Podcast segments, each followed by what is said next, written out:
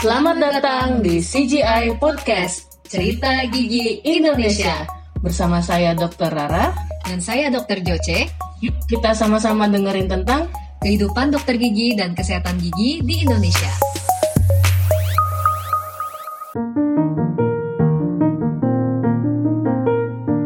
Oke, halo semuanya. Selamat datang kembali di podcast favoritmu, Cerita Gigi Indonesia bersama saya Dr. Joce dan juga ada Dokter Rara. Dokter Rara di sini. Kita hadir kembali di podcast ini ya, pastinya dengan topik-topik yang tambah lama tambah seru nih dok, karena uh, kita ngundang banyak. Kita sekarang udah bisa bebas gitu ya, ngundang banyak banget narasumber yang seru-seru, uh, teman-teman kita juga yang mau sharing. Uh, sebelumnya uh, apa kabar nih buat kalian semua yang dengar? Semoga sehat-sehat semua. Tetap uh, ini ya jaga jarak, pakai masker, uh, sama cuci tangan, hand sanitizer. Pokoknya jaga kesehatan gitu ya dok ya. Dokter Rara apa kabar nih dok? Baik ya, begitulah. Ya. Setiap hari harus memakai masker dan kalau betul, di betul. di klinik pun sampai double-double maskernya sampai pengap sendiri. Oh iya. so apalagi kalau di klinik kan harus extra protection ya tuh.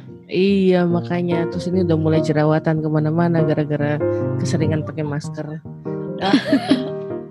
ya Pasti. jadi topik kita hari ini diperuntukkan hmm. buat teman-teman yang suka belajar, cie. Suka Waduh. belajar nih. Asik-asik. Ah, kenapa asik. gitu ya? Gitu karena kita kenapa ya, ini akan bahas tentang dunia perkuliahan. Jadi kita udah nggak bahas corona-corona lagi nih kemarin-kemarin kan corona nih ada episode kan. Nah, hmm. Nah, kita balik lagi nih uh, ngomongin dunia perkuliahan, tapi hanya bukan perkuliahan dokter gigi doang nih dok gitu, tapi jenjang pendidikan lanjutan yang bisa diambil di luar pendidikan dokter gigi. Iya, betul sekali. Sebagai pendahuluan, uh, mungkin saya kasih gambaran sedikit ya, kalau hmm. secara singkat aja, kalau jenjang pendidikan Fakultas Kedokteran Gigi kan biasanya mulai dari S1 kan ya dok ya kita. Hmm. Nah, habis itu uh, skripsi, terus lulus, di wisuda lah ya. Jadi iya. dapat gelar sumpah, sarjana kedokteran. Oh, belum sumpah, sumpah. Oh, belum dok, sarjana kedokteran dulu. Iya. kedokteran gigi, sarjana kedokteran gigi. Habis itu itu kan kita koas dulu nih, koas profesi ya dok ya, mm-hmm. kita ngerjain pasien lah segala macam.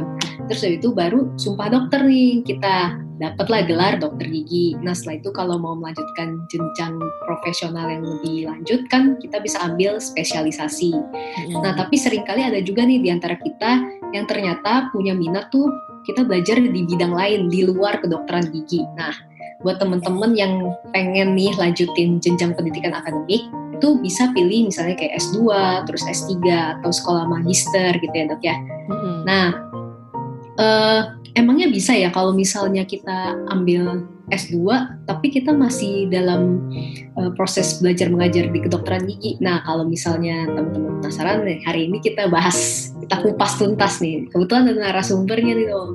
Wah, siapa ya? Siapa ya? siapa ya kira-kira? Penasaran? Penasaran? Silahkan kita kenal. Boleh dong kita kenal dulu, kita kenal dulu ya dok ya. Uh, kita panggil Dokter Jennifer. Yeay. Iya, halo, halo. Halo. Halo Dokter Rara, halo Dokter Joce. Halo apa dokter. kabar? Baik, baik, baik. baik. Dokter Jennifer apa kabar? Baik, baik juga baik. Oke, okay. uh, eh, kita ngobrol-ngobrol nih. Dokter Jennifer itu uh, asalnya dari mana sih dok? uh, asal universitasnya ya? Ya, asal universitasnya, terus okay. tinggal di mana, boleh. Asal, orang asal orangnya, boleh. orangnya kayak apa loh? ya kan nggak ada yang ini nih, nggak ada yang kenal kan ceritanya. Iya, kenalan gitu. Oke. Okay. Oke, okay. uh, jadi saya Jennifer, saya uh, asalnya kuliahnya itu di Universitas Trisakti, Terus hmm. kalau untuk asalnya itu uh, tempat tinggal ya Jakarta dari kecil tuh udah di Jakarta terus. Oke, sama ya dok ya kita dok. Oh, iya. Anak Jakarta saya dikelilingi anak Jakarta tolong. kan lagi di Jakarta dok makanya. Iya iya iya. ya berarti dokter Jennifer ini uh, alumninya sama nih sama saya sama-sama hmm. FKG Trisakti ya dok ya. Tapi nah. Joce lebih tua ya? Eh? iya. Aduh jangan Cuma sebut. tahun. jangan sebut umur dong.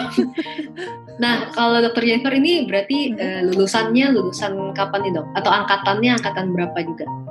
Uh, angkatannya 2013. Masuknya terus ya. lulus ya itu masuknya Hmm. 2013 terus Hmm. uh, keluar dari Trisaktinya sendiri maksudnya lulus itu 2019 Oktober baru tahun Wah, lalu Kan. Masih fresh banget Wah, itu nih. tahun iya muda. Masih semangat masih muda.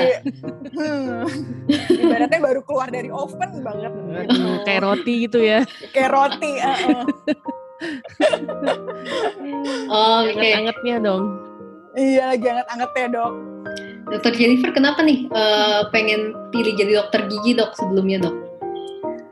Eh, sebelumnya kenapa pengen jadi dokter gigi tuh Hmm. karena sebenarnya tuh aku tuh awalnya nggak pernah kepikiran buat jadi dokter gigi waktu SMA sama sekali tuh nggak Oh. pernah jadi eh, ya awalnya tuh kalau dari dulu tuh pasti prefernya tuh malah mau masuk hukum cuman Wow. ternyata Wow. iya nah cuma ternyata setelah ngejalanin IPA 2 tahun dan kayak ngerasa sayangnya kalau misalnya harus pindah jurusan ke IPS padahal kayak udah kerja keras 2 tahun di IPA ya akhirnya memutuskan ya udah deh dokter gigi Hmm. aja gitu. Karena eh, awalnya sih mikir kalau dokter gigi itu kan udah spesialisasinya jelas ya. Kita dokter yang belajar tentang gigi berbeda dengan dokter umum yang belajar tentang keseluruhan gitu. Jadi ya kenapa pilih dokter gigi? Ya karena udah spesifik aja pembelajarannya mengenai gigi dan area mulut gitu. Padahal waktu masuk kuliah ternyata belajarnya belajarnya anatomi juga ya dok makanya ternyata dari ujung kepala sampai ujung kaki juga kita belajar Nah, Terjebak kita ini Terjebak bertiga. terjebak. terjebak Tapi nggak nyesel ya dok. enggak Eh, eh, kalau keluarga ini eh, keluarga ada yang dokter gigi juga, misalnya papa atau mama gitu, atau adik. Gak ada dok, jadi tuh di keluarga aku tuh justru tuh backgroundnya tuh ya semua ekonomi gitu. Kayak mama, papa, terus kayak gitu. Adik-adik aku pun juga tiga-tiganya semua ngambil ekonomi gitu. Jadi di keluarga itu bahkan yang dokter itu pun juga nggak ada. Jadi bener-bener ibaratnya kasarnya kayak apa ya? Berani banget gitu nyemplung padahal keluarga nggak ada background kedokteran sama sekali. Kayak gitu. Iya Gitu. benar sih. Ini kayak Jojo berarti- juga nih. Eh, ya tapi kalau kalau aku eh, untungnya ada adik lah satu yang masuk ke dunia medis lah, Oh iya. Hmm, nyerempet nyerempet gitu dikit lah dok. Iya Tapi emang eh, agak ya awal-awal mungkin agak sulit ya karena kan kita nggak bisa nanya-nanya siapa ke Mm-mm. keluarga atau, Iya, atau ikut iya. praktek gitu. Tapi nggak apa-apa lah, bisa lah kita bertahan. Bisa, bisa. Amin. Udah lulus. Iya kita kita udah lulus Keluar. akhirnya. Berhasil. iya. Nah, dokter Jennifer eh, sendiri nih Hmm. sekarang kan lagi eh, PSBB nih. Aktivitasnya Hmm. banyak kan lagi ngapain nih dok di rumah? Di rumah aja atau gimana dok? di rumah sih masih belum uh, kalau pergi keluar pun cuma berani drive thru doang belum berani Hmm. dine in terus uh, kalau di rumah ya biasa ngelakuin hal yang kita nggak bisa kerjain ya kayak misalnya nonton terus dari gitu ya paling uh, kalau ada webinar ya kita webinar terus Tuh. sama Wah. lagi la- lagi lanjutin baca buku aja sih palingan baca bukunya tapi bukan buku kedokteran kayak ya buku-buku lain di luar kedokteran yang emang dari dulu pengen baca tapi baru kesampaian gitu Wah mantap. Jadi nggak cuma eh, apa ilmu kedokteran gigi aja ya, kita nambah-nambah ilmu di tempat lain juga gitu ya dok. Hal-hal lain itu bisa enggak Apa aja nih, Dok? Hal-hal lain ya. Kayak masak. Kenapa, Dok? Maksudnya, Aduh, selain, selain baca, selain baca. Baca kan udah, bertanam. standar gitu. Jadi masak, ya bercocok tanam kayak Joce gitu. oh waduh saya saya gak tahu kenapa dok kayak ngerasa tuh kalau masak tuh dapur tuh bukan tempat saya gitu loh dok masak kayak gimana ya masak indomie aja enak ya karena indomie gitu loh bukan karena kitanya yang jago jadi kayak Iya. ngerasa Karena Kayak Indomie masak. jago. Iya karena Indominya yang jago. Indomie mah tinggal ikutin aja itunya. iya. Iya. Indomie aja suka lodoh dok. Apalagi masak yang lain ya. Oh. Kan banyak ya di YouTube ya padahal. Iya. Sering sering gagal dok. Aku ser- waktu itu kayak pernah cobain resep tapi dari TikTok sih. Dan itu gagal total. Gak tahu karena kayaknya emang akunya sih yang emang gak bakat aja gitu loh dimasak. Kayak ya udah jadi Belum harus mencoba berkali-kali berarti. Mm, bener harus coba berkali-kali dan gak Hmm. kapok. iya, benar. Iya. Oh. Oke, okay, berarti kita sekarang uh, nanya-nanya nih, Dokter Jennifer ini kan kita dengar-dengar nih, katanya juga hmm. pada saat koas ya dok ya, pada saat iya, lagi koas itu juga ambil jurusan lain, eh jurusan lain apa ya istilahnya ambil jenjang pendidikan lain nih, lanjutan. Hmm. Nah, boleh diceritain untuk itu awal mulanya kenapa akhirnya uh, ah aku pengen ah juga ambil uh, jurusan apa, nanti boleh diceritain juga. Terus kenapa alasannya gitu? Kok bisa sih mau? gitu. Apa nggak takut stres? gitu ya kok enggak, saya kok, kok kerajinan ya? Kurang, kurang stres apa di koas aku koas stres sih. Gak apa-apa. Coba kita uh, mau mau tahu juga ya dok. Soalnya unik juga ya dok ya Iya. Uh, jadi tuh awal-awal pas uh, masuk itu awal-awal kan ditawarin kan dari dari pihak uh, universitasnya sendiri dan juga dari ngelihat senior pun juga ada beberapa yang emang udah ngambil gitu uh, magister manajemen ini. Nah terus kebetulan uh, aku jadi mikir karena ibaratnya keluarga maksudnya juga punya sesuatu bidang di usaha lain jadi aku tuh mikir apa aku juga ambil aja ya. Dan aku nawarin ke maksudnya kayak uh, curhat cerita ke mama papa dan ternyata mama papa malah dukung. Hmm. gitu. Jadi asal mulanya sebenarnya dari karena mau ngebantu orang tua, terus orang tua juga kebetulan tanggapannya pun juga, oh iya boleh boleh, uh, gak apa-apa buat nambah ilmu sekalian. Jadi nggak cuma bidang kedokteran aja, tapi juga ada ilmu bidang lain. Dan kebetulan uh, pada saat itu teman-teman pun juga ternyata di sekitar aku juga lumayan banyak minatnya untuk ngambil uh, magister ini sampai dibuatin khusus satu kelas yang memang untuk FKG semua kayak gitu. Oh.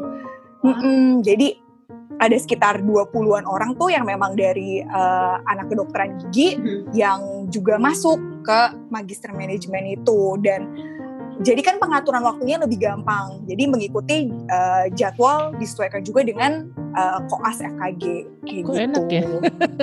Ada gitu. Karena iya, pas iya, ya dok ya? Iya pas banget iya. berarti. Ini S2-nya ngambil di mana? Di Trisakti juga dong. Oh. Hmm, di kampus yang A ya. Kan kampus ya, A. Kampus yang di depan hmm. berarti yang dekat. CL, seberang CL. Itu. Hmm. Ya, ya. CL. Pokoknya kampus utamanya lah ya yang ada ekonominya, hmm. ada Iya. Uh, oh jadi Warawirinya juga masih lebih deket ya sebenarnya.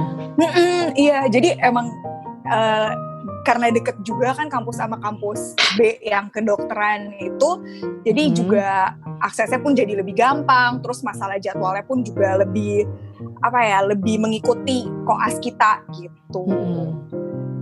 kalau boleh tahu itu pas uh, daftarnya itu berarti hmm. uh, langsung aja atau gimana hmm. prosedurnya mungkin bisa ceritain awal mulanya uh, hmm, mungkin okay. pas koas koas tahun berapa masuknya terus berapa lama tuh jenjang pendidikannya gitu Uh, jadi gini dok, awal-awal tuh justru kita tuh masuk yang uh, S2 dulu. Karena kan hmm. antara jarak kita uh, lulus misalnya sidang-sidang itu, sam sidang S1 dengan uh, jarak kita mau koas kan ada jaraknya ya dok ya. Hmm. Uh, meskipun gak gitu besar jaraknya, paling cuma beberapa bulan. Nah, jadi kita memutuskan untuk uh, masuk ke magister manajemennya itu justru sebelum koas. Jadi hmm. uh, di situ masih belum terlalu terbayang kayak koas tuh bakal seberat ini gitu. Kita kayak cuma denger tapi karena kita kebetulan punya teman-teman yang juga ya udahlah kita jalanin aja ya udah uh, toh kita bisa saling bantu gitu loh jadi kayak karena berawal dari teman-teman yang deket juga jadi kayak ya udahlah udahlah udah sekalian nyebur aja lah akhirnya ya udah uh, daftar, daftarnya pun juga waktu itu karena belum ada ijazah, jadi kita udah masuk kuliahnya dulu, tapi terhitung uh, di dikti di uh, apa dinas pendidikannya itu tuh ibaratnya baru semester depannya. Jadi kita masuk dulu semester 1, hmm. tapi ijazahnya itu masuknya itu baru kasarnya itu semester 2 setelah kita masuk. Karena kan boleh ya masih ya, belum di wisuda. Iya dok, boleh karena sesama Trisakti. Oh gitu. Karena kan udah punya catatan yang penting kayak ini anak hmm. FKG udah lulus sidang, udah tinggal wisuda. Tapi memang ijazahnya itu kan keluarnya pas wisuda gitu. Jadi uh, ya gitulah dok. Jadi kita masuk kuliah dulu, baru uh, di tahun semester kedua itu baru kita termasuk uh, ke dikti. Baru setelah itu ya udah jalan kayak biasa lagi kayak gitu. Tapi kuliahnya itu ya udah dari pas berbarengan masuk koas bulan Mei. Itu berarti waktu perkuliahannya kapan aja tuh, dok? Uh, kalau misalnya untuk S2-nya itu jadi Jumat malam itu dari jam 5 sampai jam 8. Kalau mm-hmm. misal terus hari Sabtu itu full dari jam 8 sampai jam 3 atau bahkan bisa sampai jam 4 kalau misalnya emang dosennya ngajarnya lebih lama kayak gitu. Perkuliahannya bisa dibilang weekend doang ya? Mm-mm, jadi uh, memang kelasnya itu khusus Jumat Sabtu untuk uh, eh, MM ini sendiri gitu. Oh. Nah itu kan itu cuma Sabtunya karena koas sesama masih kelasmu yang pilih jadwal ya dia pilih jadwal dan sesama FKG itu yang dikumpulin atau memang jadwalnya seperti itu oh, sebenarnya? karena koas juga dok. Jadi uh, koasnya itu kan dari Senin sampai Jumat itu kan full ya dok ya. Apalagi yeah. kalau misalnya kita uh, dapat putarannya kadang-kadang sore jam 5 baru kelar Uh, jadi diputuskan ya udah uh, Jumat sore dan Sabtu. Tapi memang dari senior senior sih emang kayak gitu juga sih dok. Kalau untuk kelas FKG biasa ya Jumat malam sama Sabtu satu harian kayak gitu. Udah ada pengecualian jadinya dok ya untuk FKG. gitu. Sebelumnya juga uh, apa senior senior juga udah banyak yang kayak gitu ya baru satu tahun di atas saya sih dok. Tapi sebelumnya itu ada yang masuk MM cuman hitungannya tuh ada yang beberapa lebih memilih kelas eksekutif. Jadi memang kelas yang uh, untuk orang kerja gitu. Oh. jadi waktunya itu uh, tapi seingat saya tuh waktunya tuh jadi kayak memakan saya Senin malam kalau nggak salah ya. Hmm. intinya tuh lebih memakan waktu jadi kayak gak di press gitu loh dok. Jadi kita juga mikirnya udah deh mending di press kalian aja Jumat sama Sabtu satu harian. Kayak gitu. Karena kan eksekutif kan juga gabung tuh dok sama uh, orang kerja terus sama mungkin uh, fakultas ya, kayak kelas karyawan lah gitu iya ya. yang kelas karyawan kan otomatis kan untuk penyesuaian jadwalnya ya pasti bakal lebih sulit ketimbang kalau kita kelas khusus yang memang untuk anak kedokteran gigi. Kayak gitu. Itu berarti sampai berapa lama tuh dok itu kuliahnya Uh, jadi kuliahnya itu sebenarnya untuk kuliah tatap muka di kelas itu uh, eh, 3 sampai 4 semester. Tapi nanti, uh, setelah itu kita langsung buat tesis. Gitu. Oh, jadi tesisnya pas buat tesisnya. Iya. nah, waktu saya itu, Dok, tesis saya itu berbarengan sama UKMP. Uh, jadi ujian dokter gigi. Wow. Iya. Oke. Okay. Jadi itu bener-bener kan setelah kita pas kita mau UKMP kan uh, ada kelas kayak kita ikut suatu bimbingan belajar gitu kan dok selama yeah. satu bulan bener-bener yang kayak digodok banget uh, kerjain soal apa-apa apa gitu nah pas-pasan itu saya juga lagi ngejar pembuatan tesis wah Iya, tapi untungnya saya ngerasa bersyukur banget sih. Maksudnya kayak pembimbing tesis saya tuh baiknya tuh bukan main gitu. Jadi dia tuh mengerti gitu loh kayak, oh nih anak lagi mau ujian uh, penentuan kompetensi dokter gigi ini. Jadi kayak uh, ada bisa bimbingannya tuh lebih fleksibel dengan beliau kayak gitu. Hmm. Wah itu pasti hektik banget ya dok. Tanpa tesisnya udah ini banget ya dok. Bimbingannya oh, itu soalnya tiap hari. pas uka ujian yang kompetisi mm -hmm. kompetensi itu uh, mm -hmm. lagi godok buat proposal atau lagi penelitian dah? Itu uh, udah bentar saya coba inget-inget ya dok. Kayaknya itu udah tinggal buat udah tinggal buat tesis ya. Udah tinggal buat hasil. apa namanya? Iya tinggal bab satu bab dua tinggal nyusun tesis semua hasil oh. penelitiannya udah ada. Tapi kan ada mesti pakai SPSS segala macem mesti ada SPSS ya mesti. menyebalkan. Ya jadi tapi untungnya pas uh, apa namanya pas yang kita buat apa buat pas lagi kompetensi itu itu kayak hmm. tinggal ngerangkai-rangkai aja sih dok tinggal nyusun per babnya aja jadi nggak bener-bener dari proposal segala, segala proposal dan sidang hasil gitu-gitu udah lewat dong udah proposalnya udah oh oke okay. oh ya dok saya penasaran sih dok sebenarnya kalau misalnya di di magister manajemen ya berarti ya hmm. itu di ngajarin apa aja sih dok? Maksudnya secara keseluruhan. Hmm. Nah, terus kan tadi ada anak-anak anak-anak FKG semua nih kelasnya. Apakah di situ dimasukin tuh kayak topik-topik yang berhubungan sama manajemen tapi di bidang kedokteran gigi? Karena itu kayaknya kelasnya khusus nih buat FKG hmm. gitu. Ada nggak dok kayak gitu? Hmm. Uh, ada. Jadi tuh gini, kalau misalnya kita selama di magister manajemen itu memang di bayangan saya pun juga apa ya, kayak oh ini bakal bener-bener full kita belajar per materi itu tentang kesehatan. Tapi tuh enggak juga. Tapi memang ada beberapa yang disisipkan. Tapi kalau misalnya kayak finance gitu, terus kayak uh, human resources itu ada beberapa kelas yang ya udah kita benar-benar pure belajar manajemen.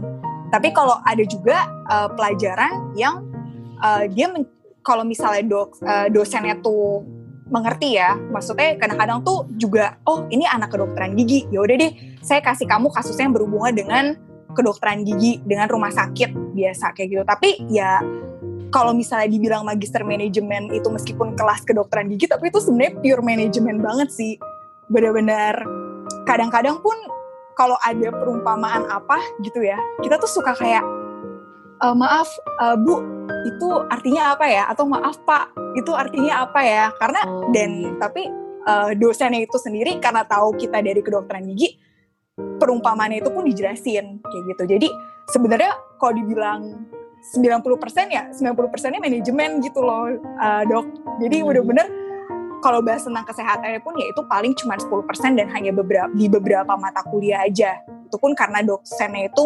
menyisipkannya itu di kasus-kasus seperti itu. Hmm. Oh, jadi benar-benar pure manajemen ini apa yeah. tadi ya HR gitu ya human resource. Hmm. Tapi kalau yeah. yang hubungan sama rumah sakit diajarin juga sedikit-sedikit gitu ya, maksudnya cuma manage rumah yeah. sakit gitu.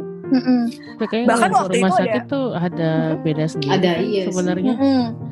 Tapi waktu itu pernah ada salah satu dosen dari kita itu yang mengundang pembicara itu uh, dari pihak rumah sakit kalau nggak salah direktur rumah sakit atau salah satu jajaran tertinggi rumah sakit tapi untuk sharing ilmu aja sih bukan yang sebagai ngajar benar-benar ngajar tuh enggak tapi cuma sebatas buat sharing ilmu aja gitu gitu Jadi lebih ke dapat ekonominya Jo. Uh, ini ya, lebih banyak ekonominya segala macam. Iya, iya, lebih ke ekonominya. Bisa tanya-tanya orang tua kalau gitu berarti. yang S2-nya ya. Tapi orang tua kan juga kadang-kadang udah lupa ya. Iya iya benar sih. teori-teori kayak gitu. Jadi kadang-kadang ya udahlah kita ber 20 memutar otak aja gimana?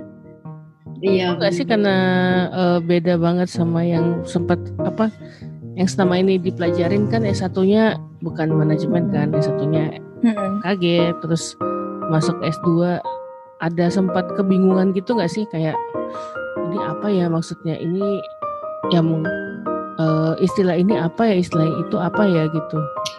Butuh adaptasi kan pasti butuh ya. Adaptasi gak? iya.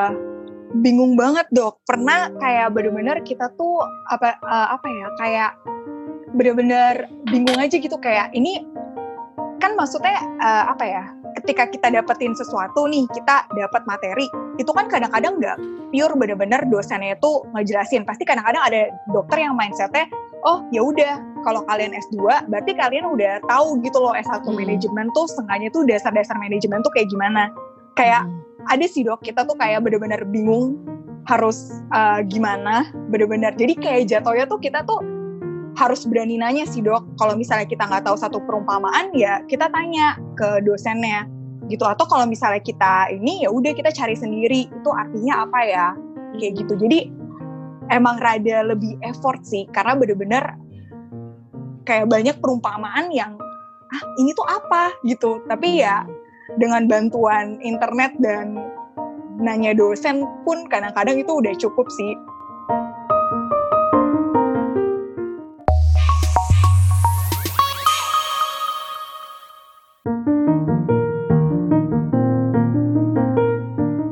Tapi benar-benar kebantunya itu adalah karena teman-temannya sih dok. Maksudnya kayak kebetulan kita satu kelas pun kayak solid gitu loh.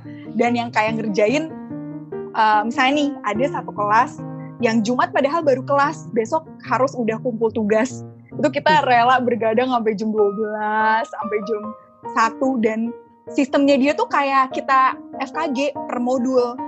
Hmm. jadi setiap satu modul itu ya ada UTS sama ada UAS Wah, jadi hitungannya tuh mm, jadi tuh kayak ada ujiannya gitu. Tapi ya memang nggak sesusah kita FKG ya ujiannya kayak gitu. Tetap FKG paling susah ya.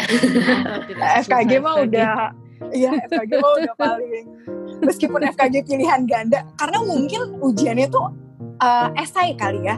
Jadi tuh kita tuh ya bebas berekspresi nggak sih dok kalau esai kalau pilihan ganda kan sekali kita salah nembak ya udah salah tapi kalau iya. misalnya esai itu ya udah kayak mengarang indah pun sengaja ada ada ini ya, nilai. ya ada nilai capek nulis ya? Iya. oh iya. Benar juga. Terus jadi senengnya gimana suka dukanya nih? Uh, apa yang disukai pas di ya, apa yang disukai pas MM apa yang hmm. kayak aduh nggak suka gitu kayak ini kurang kurang gini banget nih gitu. Sukanya itu kayak uh, apa ya mal kita kan Senin sampai Jumat tuh udah mentok banget ya koas tuh kayak udah aduh mikirin pasien mikirin uh, misalnya uh, kalau kita sebelum kerja ditanyain asdos kita mikirin sengaja belajar dulu. Kayak bener-bener Senin sama Jumat tuh otaknya tuh udah penuh gigi gigi gigi gigi gigi. Gitu. Kayak terus tapi kadang-kadang tuh kalau misalnya uh, kelas di MM ini pun karena mungkin kelasnya itu nggak se uh, beda kali ya maksudnya sama kedokteran gigi kan itu bener-bener kayak kadang-kadang pure hafalan kan. Sedangkan kalau misalnya di MM ini kadang-kadang ya udah ada pelajaran yang kita tuh cukup dengan main logika aja jadi nggak gitu nguras. Sukanya sih kadang-kadang kalau kita ketemu kelas yang emang kita tuh enjoy banget gitu loh dok. Kayak maksudnya yang dosen ngajarnya enak terus udah gitu materinya pun juga mudah diserap. Itu sukanya dan kebetulan teman-temannya pun juga suportif. Kayak misalnya kalau kita mau UAS atau mau UTS itu biasa hamin satu kita belajar bareng. Belajar bareng itu bener-bener yang kayak ya udah satu meja serentetan tuh kita semua terus ya udah keluarin semua catatan terus uh, ya udah saling bantu uh, ajar-ajaran. Itu bener-bener kayak momen yang kayak di FKG tuh jarang gak sih dok? Maksudnya hmm. yang ya ada tapi ya mungkin gak tahu kayak lebih berasa bondingnya tuh pas lagi MM karena mungkin kita sama-sama kayak udah kita sama-sama capek udah serahin aja yuk kita belajar yuk udah yuk gitu.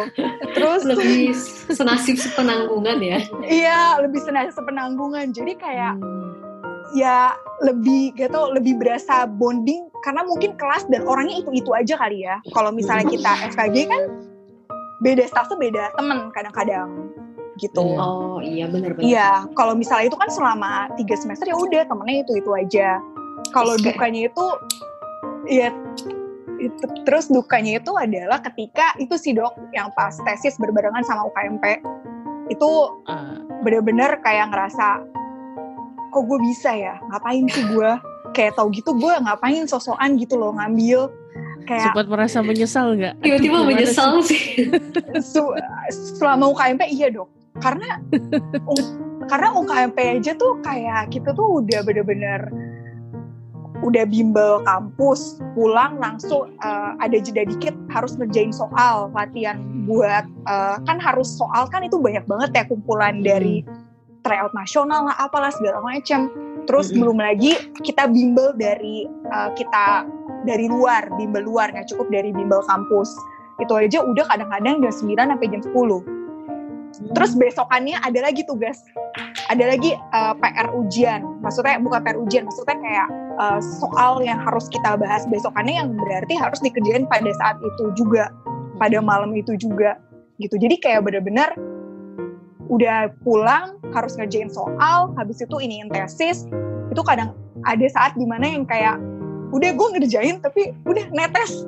Pernah dong kayak gitu kayak emang ngerjain tiba-tiba netes terus kayak mikir aduh ya Tuhan kok bisa bisanya ya?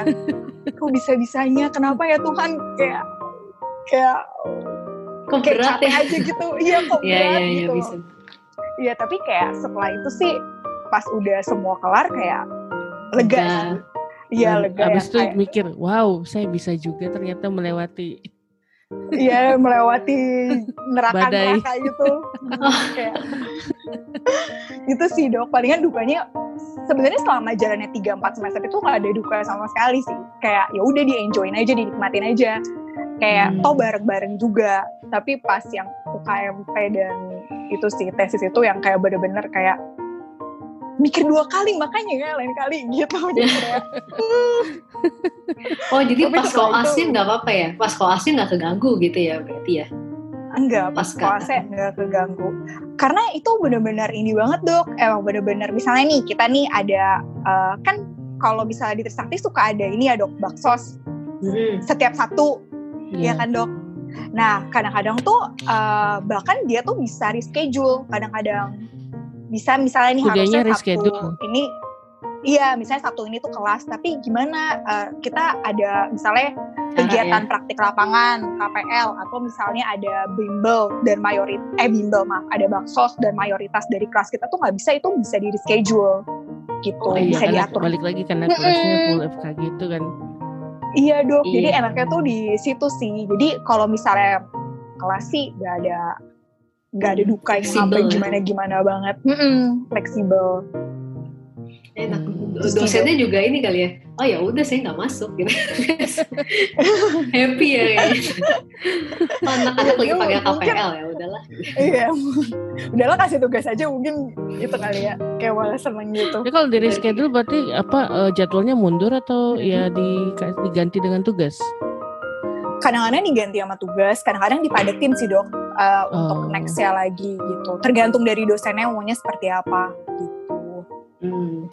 Kalau dari dokter Jennifer sendiri nih uh, setelah hmm. kuliah manajemen nih, ada nggak itu hmm. ilmunya yang atau apa ya yang sudah dialami di di hmm. S2 itu jadi berpengaruh banget buat di kedok, uh, kedokteran giginya gitu. Apakah jadi bisa memanage lebih baik, memanage lebih, waktu lebih baik, nah gitu. Apa hmm. manfaatnya ada yang berasa banget nggak?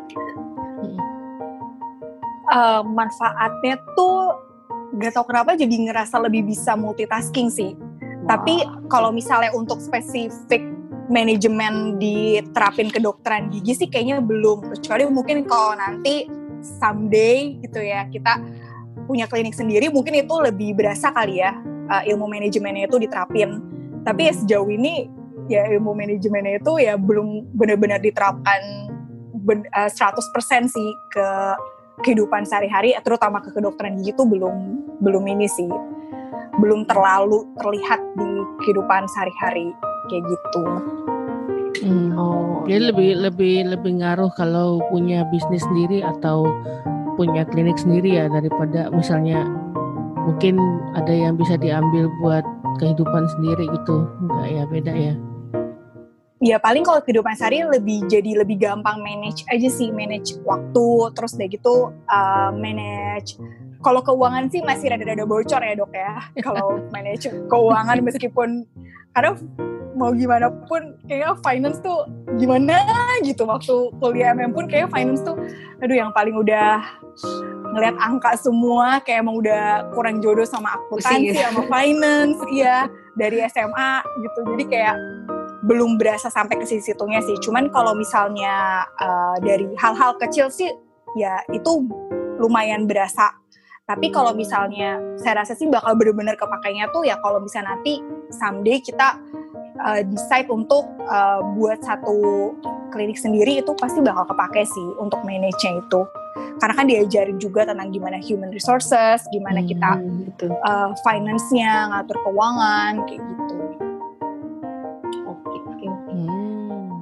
Benar. Menarik ya dok ya. Apa Benar. abis ini kita MM aja dok? itu ada batasan umurnya nggak sih sebenarnya? Oh enggak. Untuk masuk gue tahu. S2, ya? Nah abis ini kita bisa bikin uh, podcast khusus lagi tentang gimana kita apa gimana aplikasi kalau misalnya ke klinik gimana sesuai dengan itu menarik sih, ilmu dok. manajemen Jennifer. Waduh, Waduh. kok saya dok? ini berarti harus ini lagi nih dok, harus cari-cari lagi nih. Buka buku. Mengulik-ngulik, iya buka harus buku. mengulik laptop, mengulik email. Kemarin waktu itu belajar apa aja ya? gawat, gawat. Lulusnya tahun 2019 ya berarti ya, MM-nya ya? Iya, eh, iya, iya 2019. Ya. Uh, masih ingat lah, dok, dok masih ingat. Waduh. Masih, masih. Nanti bisa langsung ditanya ke Bukunya belum hilang lah, bukunya belum hilang. Waduh dok, saya ke gudang dulu ya dok ngambil.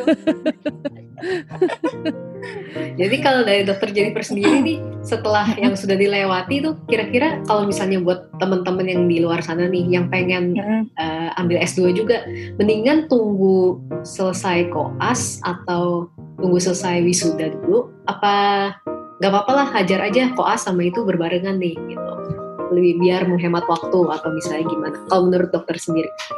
Uh, sebenarnya balik lagi sih kalau misalnya kita mesti tahu tujuan endingnya itu kita mau jadi dokter gigi yang kayak gimana. Kalau misalnya hmm. kita mau dokter gigi lebih prefer kerja di rumah sakit ya MM bukan pilih bu, bukannya saya menutup kemungkinan ya tapi ya kalau misalnya ingin dokter gigi yang bekerja di rumah sakit yang lebih memanajemen rumah sakit ya berarti pilihannya lebih ke Mars kayak gitu. Atau misalnya kalau misalnya uh, memang sekalian uh, kalau saya kan memang awalnya itu pilih manajemen karena ngelihat dari orang tua yang memang backgroundnya itu ekonomi.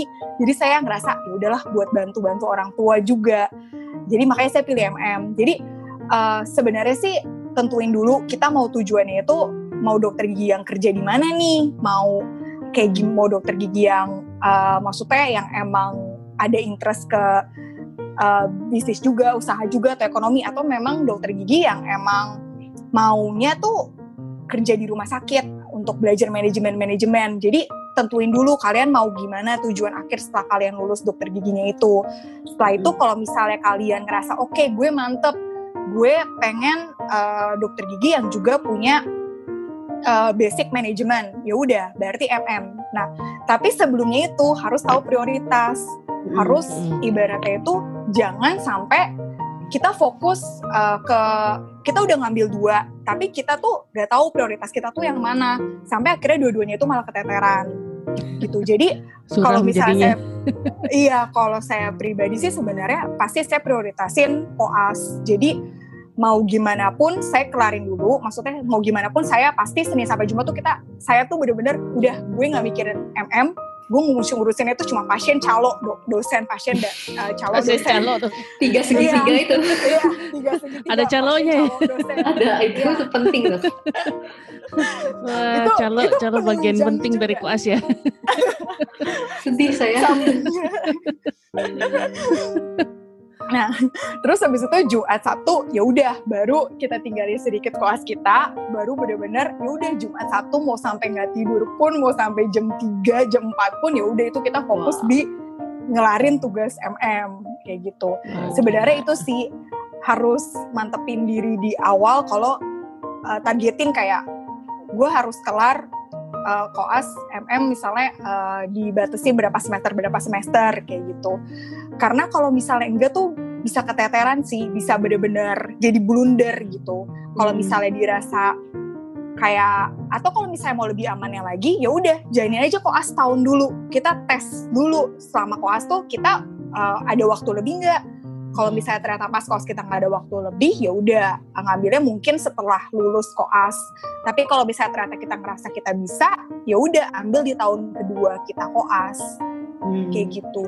Mungkin udah lebih tapi rata-rata ya. sih yang saya lebih tapi rata-rata sih yang saya mm -mm, yang saya lihat sih ya dari awal sih dari koas itu udah ngambil MM juga. Kayak gitu.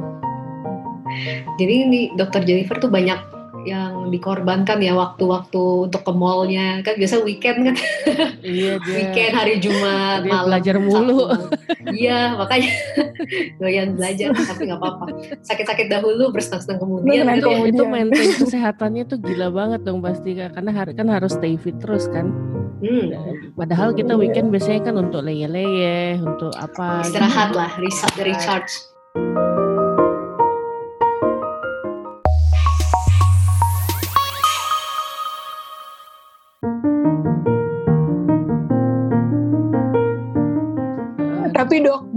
Dari Sabtu kelar apa kelar MM sampai Minggu wah itu kadang-kadang ya udah terserah mau ngapain ayo mau nonton apa ayo mau apa kayak ayo apa kayak bener-bener apa ya ya udah berasa uh, ya gitu. iya bener-bener enjoy life kalau misalnya Minggu sama Sabtu tuh setelah MM bener-bener iya, kayak udah kerjain. gitu kerjain apa iya. aja yang kita mau. Terus besoknya koas lagi lagi hari Selasa iya, aduh calo lagi dosen lagi muter iya lagi. segitiga itu ya dok. Nah uh, dokter Jennifer kita kita minta ini juga nih tips ngatur waktunya nih berarti nih sama tips belajarnya. Mungkin uh, teman-teman juga bukan yang cuman double degree juga tapi juga buat yang lagi di koas atau yang buat lagi ngerjain hal-hal lain kan. Tips ngatur waktunya berarti kan udah lebih ini ya udah lebih meningkat pastinya ya uh, kemampuannya. Jennifer kan koasnya juga nggak molor kan?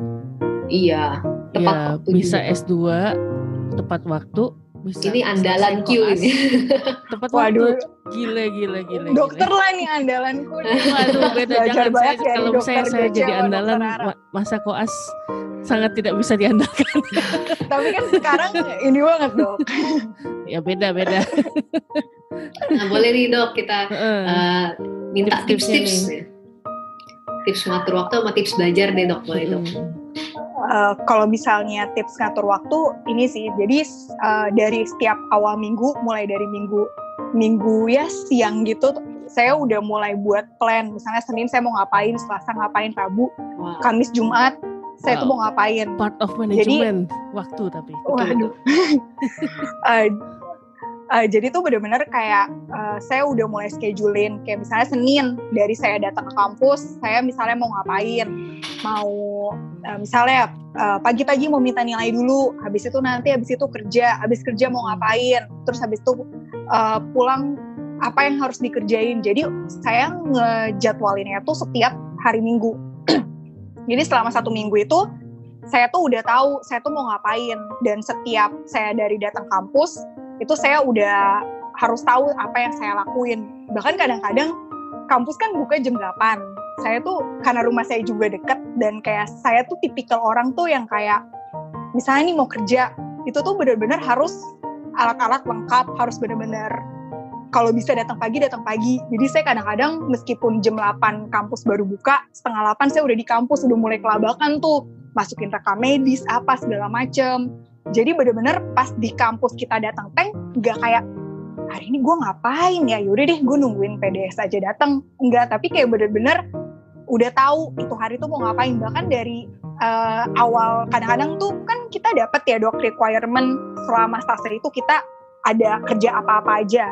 Hmm. nah uh, dari awal stase tuh kadang saya udah mulai ini yang udah mulai kayak jabarin. Misalnya oh uh, untuk kasus ini oh ada nih karyawan papa saya yang giginya kelas 4 misalnya saya bisa uh, iniin uh, bisa jadiin pasien. Kalau misalnya ternyata pas saya data saya nggak punya pasiennya saya udah minta dan saya chatin semua calo tolong hmm. siapin uh, tol wih tolong siapin kesannya kayak bos banget ya. Tolong siapin uh, tolong semua siapin. ini pasien-pasien yang pasien OD eh sekretaris sih calon jangan-jangan punya calon pribadi loh. Wow. Iya iya dok. Jadi bak kayak dari awal saat itu bahkan udah ngomong ke calo eh uh, saya butuh ini nih. Uh, bisa tolong bantu cariin nggak? Kayak gitu. Atau kalau misalnya ya udah mentok banget kadang-kadang kan gak mungkin ya dok tiap hari itu mulus. Pasti kadang-kadang kan ada aja ya dok. Kayak iya, ada aja halangan pasiennya tidak jadi datang lah apalah gitu. Iya uh, itu biasa nongkrong depan PDS depan loket pasien datang sendiri. Nungguin aja siapa siapa kali-kali ada PDS yang kita bisa meskipun gak kerjain sekarang tapi bisa ditabung buat next kasus. Kayak gitu. Jadi hmm. kayak bener-bener yang penting tahu sih selama Senin sampai Jumat itu kita udah punya target. Meskipun kadang-kadang targetnya itu nggak dipenuhin. Terus udah gitu uh, apa ya kalau belajar sih sebenarnya aduh saya sih belajar tuh B aja kayak lebih jago dokter Joce deh kalau belajar belajar wow. apa dulu? Belajar bercocok tanam dong saya saat ini. Tergantung situasi.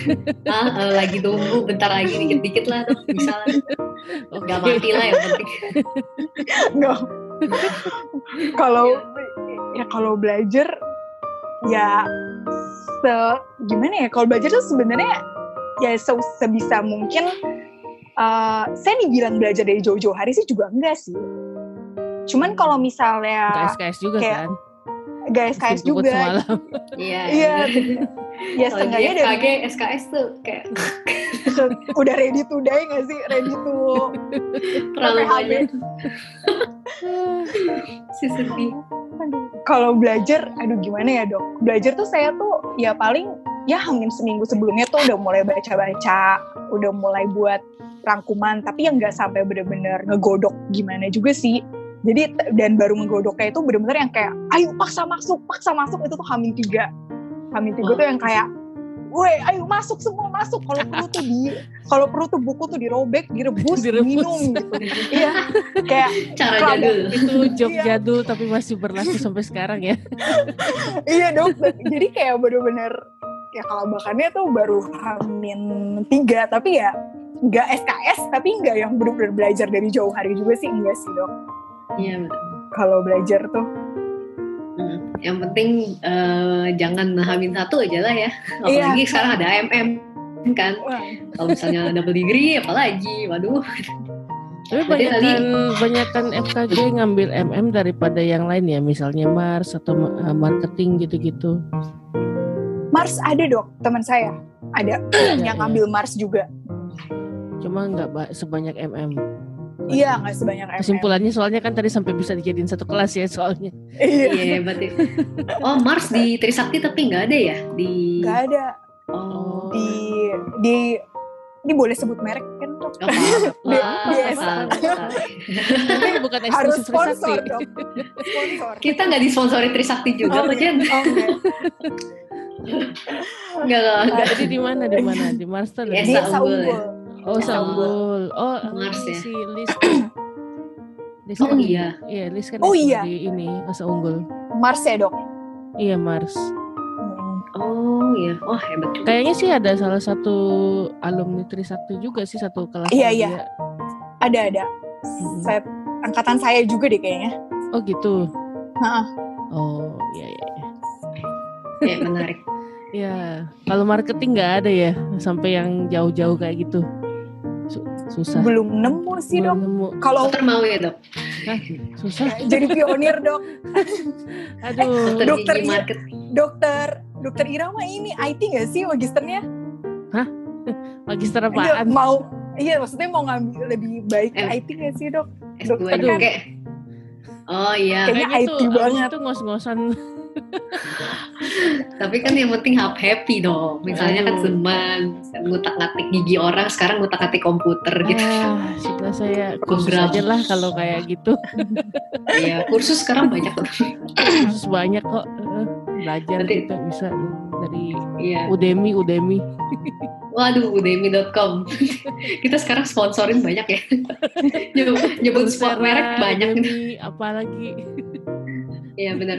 Ada Tadi uh, ya. Oke oke lanjut lanjut. apa Jadi yang aku tangkap nih dari dokter Jennifer itu berarti dia uh, planning yang paling penting ya dok ya. Mm-hmm. Pokoknya uh, planning apa pun yang ke depannya bahkan udah bisa planning sampai seminggu ke depan nih Senin yang ngapain, dijadwalin gitu, gitu. Itu luar biasa sih. Aku Jadi ingat zaman koas satu saya. Iya. Apa aja lah yang datang gitu kita tangkap. soalnya pas zaman kos aku baru bisa planning itu pas udah semester semester akhir lah itu baru kayak wah ini harus planning nih. Kalau enggak buyar semua kan. Kalau enggak enggak enggak sesuai. Dan akhirnya uh, setelah planning baru berasa eh, ya ternyata lebih efektif nih kalau planning gitu. Makanya ada ada orang yang bilang kalau orang sukses itu biasanya orang yang planning. Waduh, mantap, mantap, mantap. Mantap, Jen. Tapi ada satu lagi, Dok. Kalau di koas tuh harus apa? Harus berserah. Gak, jangan jangan kayak ngotot kayak gue maunya ini, gue maunya yeah. ini harus kelar. Aduh itu ya, benar-benar kalau nggak bisa kelar gimana? Gitu. Nangis dong. Gak sesuai plan bolehlah adaptasi gitu ya. Iya. Bisa ini ngerjain yang lain. Ada backup iya. plan juga berarti. Iya. Mantap. Highlight nah, dari koas tuh berserah. berserah. Dan fleksibel. ya habis kadang-kadang kita kayak udah ready, udah benar-benar datang pagi, siapin alat, ngetek dental unit, eh tiba-tiba hmm. pasiennya, uh, dok, maaf ya dok, saya nggak bisa datang. Ya kita mau apa? Coba bisa oh, senyum. Maaf, ya udah senyum. gimana? ya, kerjanya senyum aja. Iya, daripada nggak datang lagi gitu kan. Iya, daripada nggak datang lagi, apalagi kalau udah deket tinggal kontrol dong. Wah, Betul pusing itu. karena sudah enak kan pasiennya ah udah enak nih ngapain datang lagi anu anu iya. anu. wah lagi gigi palsu aduh bodoh. waduh ulang lagi pusing pengarah pengalaman ya Oke nih dokter Jennifer berarti ini banget ya uh, orangnya sangat-sangat planning dan fleksibel berarti nih. Mantap mantap. Terus kalau harapannya dokter Jennifer sendiri buat ke depannya nih buat diri sendiri itu pengennya lebih ke arah mana sih ke dokter gigi? Mungkin mau jadi dokter gigi yang tadi menerapkan manajemennya atau mau jadi mau jadi pemilik klinik atau mau bantu uh, orang tuanya tadi atau bisnis atau iya lebih ke uh, ada kayak semacam usaha gitu sih. Ah iya, mungkin mau bantu orang punya bisnis atau apa gitu. Atau mungkin kuliah lagi spesialis. Ya mungkin keluar uh, kuliah uh, apa lagi nih S2, S3 spesialis mungkin. atau S3, PhD, PhD. Waduh. Jadi dosen. wow. Apa nih harapan uh, buat dokter Jennifer sendiri nih? Harapannya sih uh, corona cepat pengen, kelar. Iya, corona yang pertama corona cepat kelar dulu. Saya juga. Itu harapan semua orang di dunia ini kayaknya. Iya. Iya, yang pertama corona cepat kelar dulu aja. Terus ya mungkin yang berikutnya pengen sih ngambil lagi gitu, mungkin spesialis tapi mungkin spesifikasinya masih menggali-gali, masih kayak mencoba kira-kira yang mana yang cocok itu masih dalam pencarian. Hmm. terus sama someday amin semoga ya bisa. Ya pasti itu mimpi semua dokter gigi nggak sih dok? Punya klinik sendiri. Kayak hmm. bisa bisa apa namanya bisa membuat klinik yang memang sesuai dengan konsepnya dia tuh. Gitu. Pasti itu mimpi semua dokter gigi nggak sih? Jadi saya ya pasti ada ke arah sana. Tapi meskipun masih entah kapan yeah. harapan ada mimpi kayak gitu Nah, bisa dijelaskan bisa dong. Tapi di planning dulu kan kayak tadi. Iya, di planning Waduh. semua. Masalahnya planningnya itu nggak segampang planning. iya, planning jangka panjang. Requirement ya dok ya. Iya, itu iya. benar-benar planningnya harus ada uang, harus ada benar-benar benar-benar ibaratnya tuh fondasinya tuh harus kokoh dulu. Iya. Intinya harus ada uang. Intinya harus ada uang. Dan backup plan. Kalau nggak ada uang nggak bisa beli semuanya. Iya. Ya. Oh, Oke, okay. terus yang uh, apa nih mimpi-mimpi yang kan ingin dicapai untuk double degree itu? Mm -hmm. um, ya lebih ke uh, tadi ya lebih ke tadi udah di udah, udah mirip sih dok tadi udah mirip ya ya udah nah, pesan-pesannya ini nih dokter Jennifer yang mm. Untuk yang masih di bangku kuliah FKG yang memang uh, pas koas uh, sebelum koas pun uh, sebelum koas tuh memikirkan ingin S2 atau misalnya melanjutkan S2 waktu masih koas yang lagi menjalankan S2 bareng koas. Gimana? Ada pesan-pesan dari yang sudah melewati neraka itu? Yang sudah pernah mengalami duluan gitu ya? Neraka tadi kan dia sebutin neraka jadi gue ulang lagi uh, pesannya itu ini sih maksudnya jangan menyerah. Woi, gila Iti, lagu ya, dok. Jangan menyerah. jangan menyerah. Kalau kata dokter kerjain aja. eh, kerjain aja, udah jalanin aja.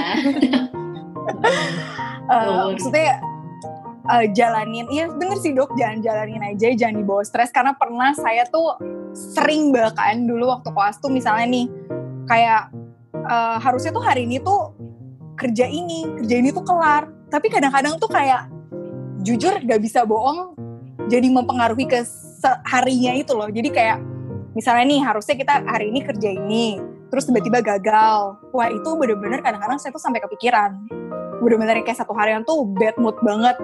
Itu tuh hmm. pernah. Tapi itu setelah saya pikir-pikir ya ngapain ya bad mood ya ngapain kita jadi ngerusak mood seharian? Toh ibaratnya kita udah berusaha ya emang kalau kata kalau kata apa ya kalau bahasa kerennya ya alam belum berpihak kepada kita gitu jadi kayak ya udah kayak lebih ke boleh kita uh, apa namanya punya plan tapi kita juga harus berserah sih. Harus benar-benar yang kayak dibawa santai aja gitu dibawa santai aja. Gak usah terlalu yang kayak terlalu keras pada diri sendiri yang sampai kayak udahlah udahlah udahlah sampai kayak gitu nggak perlu hmm. kayak gitu hmm. terus yes itu sih uh, saling ini juga dok temen tuh berpengaruh banget sih temen itu bener-bener kayak berasa banget kalau misalnya kita lagi down atau misalnya yang kita kayak lagi bener-bener aduh gue udah capek nih kayaknya udahlah ya udahlah hari ya udahlah udahlah udahlah pulangin aja maksudnya kayak suruh apa maksudnya kayak misalnya nih kita mau kerja ditanya mas do susah. Pasti kan ada di titik di mana kadang-kadang kita aduh gue udah nggak tahu lagi mau jawab apa udahlah pulangin aja pasiennya nah nah nah nah, nah kadang-kadang tuh teman kita tuh yang justru udah nggak apa-apa lu jalanin aja ini masih ada waktu usaha aja dulu. Jadi kadang-kadang tuh temen tuh juga benar-benar ngebantu sih. Dan kita pun juga harus sebalik ya ke teman kayak kalau teman kita pun ibaratnya juga lagi down ya kita tugas kita gitu loh yang lu nggak boleh gitu ayo ini masih ada waktu ayo kita sebisa kita aja. Kayak bisa maksudnya selesai nggak selesai ya yang penting kita usaha. Itu berasa banget sih kayak teman pas koas pas mm itu bener-bener jadi ngerasa nggak sendiri gitu. Kayak daripada kita jadiin itu beban sendiri ya kalau dengan ada orang lain tuh jadi kayak lebih ya udahlah ya udah gitu. Jadi kayak lebih berasa kebantu kayak gitu. Iya pertemanan hmm. penting tetap ya pergaulan iya bebannya lebih ringan juga ya gitu. Betul. iya jadi itu sih dok palingan kayak jangan nyerah sama bener-bener saling ngedukung satu sama lain aja selama koas jangan malah-malah main rebut-rebutan pasien iya. main tusuk-tusukan. Ya, itu, itu kebawanya sampai kebawanya bisa sampai sampai kerja nanti Iya, kan Waduh kan jadi teman sejawat selamanya. Oke deh. Wah, mantap banget nih ceritanya dokter Jennifer. Salah satu inspirasi ya dok ya. Jadi pengen MM ya dok. Inspirasi. Waduh. Pengen kuliah. Waduh. Tapi kayaknya udah kecil deh. Masih bisa. Tidak ada yang mustahil dok. Oke deh, thank you ya sebelumnya Dokter Jennifer udah mau sharing-sharing juga. Ya, Semoga sama-sama uh, bermanfaat juga nih buat teman-teman yang lagi consider mungkin yang mau pengen uh, melanjutkan jenjang selanjutnya, misalnya dari S1 ke S2 atau mau spesialis atau mau pokoknya S3. Nah itu bisa lah uh, SLR, S doger, Iya boleh. Nanti kalau ada yang mau tanya-tanya boleh langsung ke Dokter Jennifer ya dok ya. Boleh dok uh, sharing Instagramnya dok apa dok? Mungkin ada yang mau chat. Sosial media, sosial media. Ya kenalan mungkin single dok ya? Oke. ya? Single dan looking nggak? Oh, Waduh. Ya ya. Ini jadi kayak ajang tag out ya dok ya? Kita sebenarnya misi terselubungnya itu. Oh, waduh. Boleh dok di share sosial medianya apa dok? Uh, sosial medianya itu Instagram at Jennifer Prawira. Sebenarnya ada Facebook juga sih dok, cuma saya hmm. jarang banget Facebook tuh Jennifer Prawira Putri. Hmm, gitu. Okay. Tapi lebih sering Instagram. Jennifer okay. Prawira. Jennifer dengan double N ya? Iya, dengan double N. Iya. Nah, boleh teman-teman kalau misalnya ada yang mau nanya-nanya, tadi S2 uh, eh, manajemen gimana sih cara daftarnya? Ya nanti bolehlah boleh ya, dok ya ditanya-tanya? Boleh. Oke deh. Kok video eh? hilang? Oh. udah, udah juga. nah, oke okay, dok, berarti kita... Uh, ntar dulu, apa dok? kalau suruh nanya-nanya gimana caranya daftar ke Jennifer, emangnya Jennifer tempat pendaftaran? ya, buat sharing dok, siapa tahu nanti ada yang pincut gitu. Ambil nomornya di sini ya dok. Di Customer service-nya di sini ya, saya cantumin di bawah sini. Atau ada yang mau kenalan gitu, ada yang tertarik sama kehidupan dokter Jennifer gitu. Iya. Waduh, kayak hidup saya boring. Enggak lah. Kita semua unik Semua orang punya kehidupan masing-masing yang menarik. It's ini aja ini, ini udah cukup menarik loh. udah menarik beda dari yang lain. Iya. Semua kan punya tangan yang bisa menarik. Uh, Jayus. Oh iya. Aduh, oke okay, shout out ya untuk IG sosial media kita cerita gigi. Instagram cerita gigi.id silakan di follow, silakan di like, silakan di komen juga, di komen. Mm-hmm, buat teman-teman yang mau sharing nih, pokoknya kalau ada yang punya cerita, ah kayaknya cerita gue lebih seru nih kayaknya, ya yeah, itu boleh ya kontak-kontak ke kita gitu. Oh ya. iya, DM aja nanti kita tanya tanya lah gimana mau ini masukin di jadwal kita ya Iya, boleh kita ikutin ke podcast malam kita.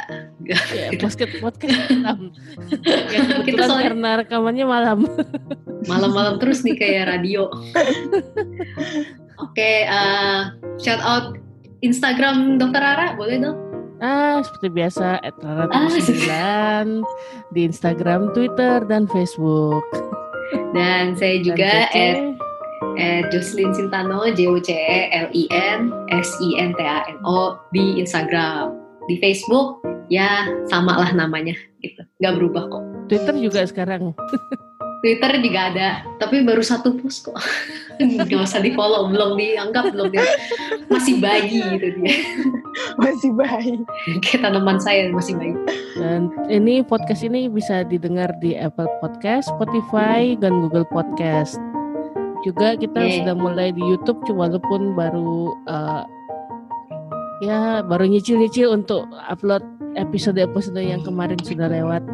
Hmm. Uh, tapi audio Pokoknya, doang nanti kita bikin-bikin yang lebih seru mungkin sama dokter Jennifer juga ya dok ya iya kode nih kode kode, kode. untuk untuk episode episode yang akan datang ah gimana ya maksudnya kode kode buat kita bisa rekaman lagi dengan topik yang beda di episode betul, betul. datang oh. yang akan datang bukan episode berikutnya sih episode yang akan datang entah iya. kapan Pokoknya uh, lebih seru-seru lagi kita undang banyak-banyak orang, banyak-banyak tamu ya dok ya. Kan udah bisa online nih, enak ya. Mm-mm, sudah tidak ter ini terpisahkan oleh jarak dan waktu lah tuh. Asik. Oke deh teman-teman, terima kasih sudah mendengarkan. Selamat malam. selamat. Padahal kita belum tentu malam belum mereka. Iya. Pokoknya selamat beristirahat. Semoga tadi uh, sharingnya membantu. Thank you juga Dokter Jennifer yang udah jadi. Ya, sama-sama. Makasih juga kesempatannya Dokter Ara sama Dokter Joce. Sip, sip, sip. sip. Sama-sama. Oke. Okay. Okay. Dokter Ara ada yang disampaikan? Apa lagi ya? Ya udah gitu aja. Pesan-pesan sponsor. Pesan-pesan sponsor, uh, uh, uh, belum ada sponsornya nih. Oh iya, kalau ada yang mau jadi sponsor boleh ya di komen. Ah, code. Oke, ya uh, terima kasih semua dan uh, sampai jumpa. Bye. Dadah. Dadah. Cerita Gigi Indonesia, tempat curhat dan edukasi dari dokter gigi Indonesia kepada teman sejawat dan masyarakat umum. Kalau kamu suka podcast kami, subscribe atau follow dan share podcast ini ke teman-teman kamu.